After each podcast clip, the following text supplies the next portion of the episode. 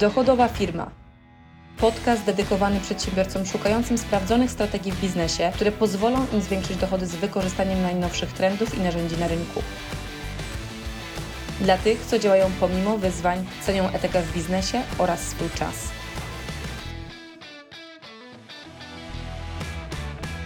Mówimy o wizualizacji, to faktycznie warto podkreślić, że jest to praktyka, którą stosuję już ponad 20 lat. E, I od momentu, kiedy zaczęłam robić wizualizację, do momentu, kiedy teraz ją robię, jakby dużo się zmieniło pod kątem zrozumienia, co faktycznie powoduje, że ono jest skuteczne. I Dzisiaj chcę Ci wytłumaczyć i pokazać taki proces, w jaki sposób ja do wizualizacji faktycznie podchodzę.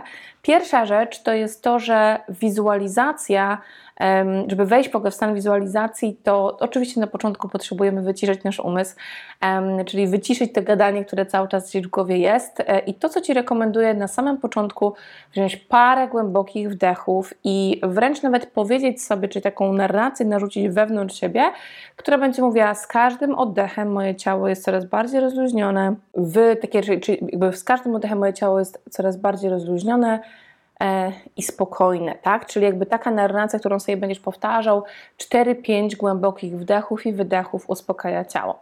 Wizualizacja de facto wcale nie musi trwać bardzo długo, to może być 5-10 minut, to może być sytuacja, w której wkładasz element wizualizacji na przykład w proces dłuższej medytacji, e, gdzie pod koniec na przykład tą wizualizację robisz, a może to być oddzielna praktyka, którą po prostu stosujesz właśnie takie 5-10 minut e, rano. Druga rzecz, e, do której tak naprawdę ja idę w momencie, kiedy wizualizuję to definiuje doświadczenie, które chcę, aby było tym doświadczeniem, w, które, w którego stan wchodzę w momencie, kiedy wizualizuję. I teraz najlepiej, żebyś myśląc o tym, czego w życiu pragniesz, do czego chcesz dojść, co chcesz zmienić, co chcesz, żeby się u Ciebie wydarzyło, stwórz tak naprawdę takie doświadczenie, które jest u Ciebie takim zwieńczeniem właśnie tych wszystkich elementów, tego jak chcesz się czuć, i co chcesz, żeby się w Twoim życiu działo, bo najczęściej opisujemy rzeczy, które chcemy, czy mm, takie elementy czasu, czy które są związane bezpośrednio z pieniędzmi, tak naprawdę wszystko to dochodzi do tego, jak chcemy się czuć. Czyli każda z tych, każda z tych rzeczy tak naprawdę określa to, w jaki sposób chcesz się czuć i od tego de facto warto wyjść, tak? Czyli jak chcesz się czuć, czego chcesz doświadczać i jaka sytuacja jest dla Ciebie właśnie takim zwieńczeniem. Podam Ci przykład, u mnie taki jeden z jedno z takich doświadczeń, które e, w różnych etapach życia, że tak powiem, te wizualizacje u mnie były różne. Natomiast tutaj właśnie takie doświadczenie, w którym widzę siebie z mężem, z dziećmi na, e, w ogrodzie przed domem otoczonym lasem, gdzie jest totalny spokój, cisza. Mamy czas na to, żeby cieszyć, się, że tak powiem, e, naszą rodziną, a nie tylko i wyłącznie pracować z dużą ilością czasu inwestowanego w samą pracę i ciągły pośpiech.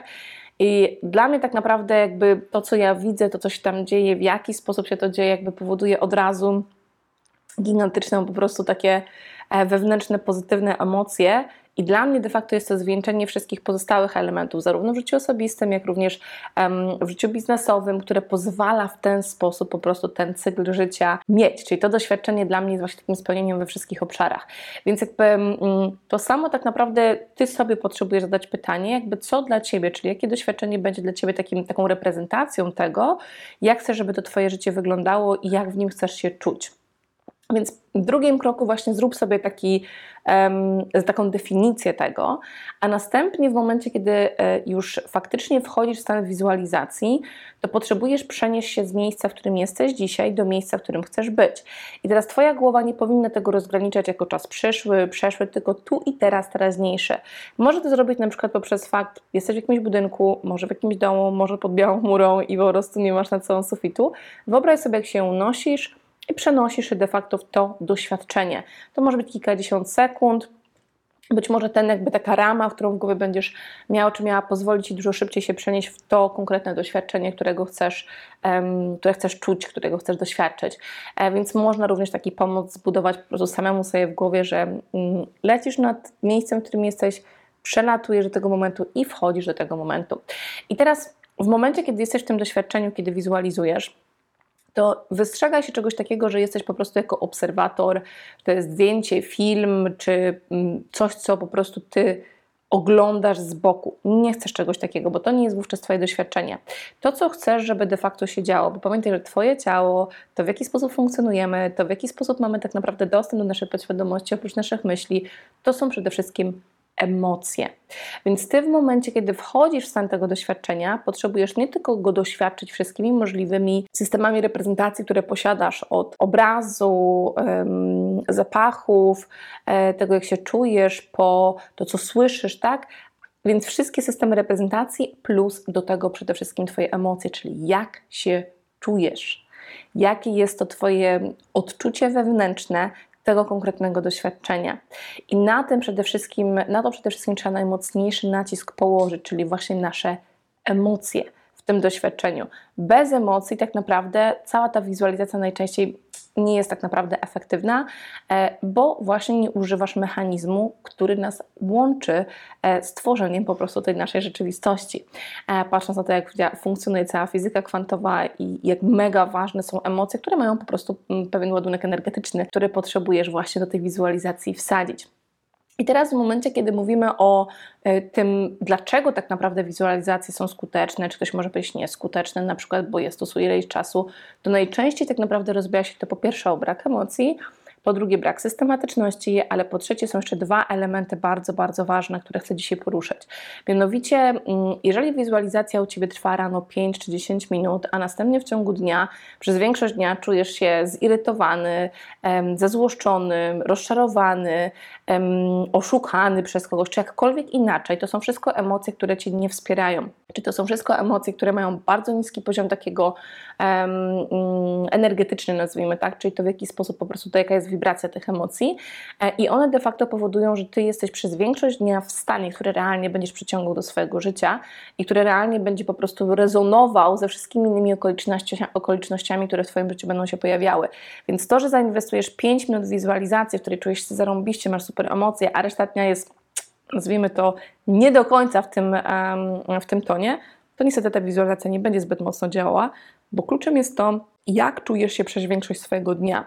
Czyli jeżeli chcesz czuć radość, szczęście, spełnienie, to ty potrzebujesz wzbudzać te emocje w ciągu swojego dnia. I ja wiem, że ty możesz myśleć sobie, no dobra, Basia, wszystko fajnie, ale kiedy są wyzwania, to wcale nie jest takie proste.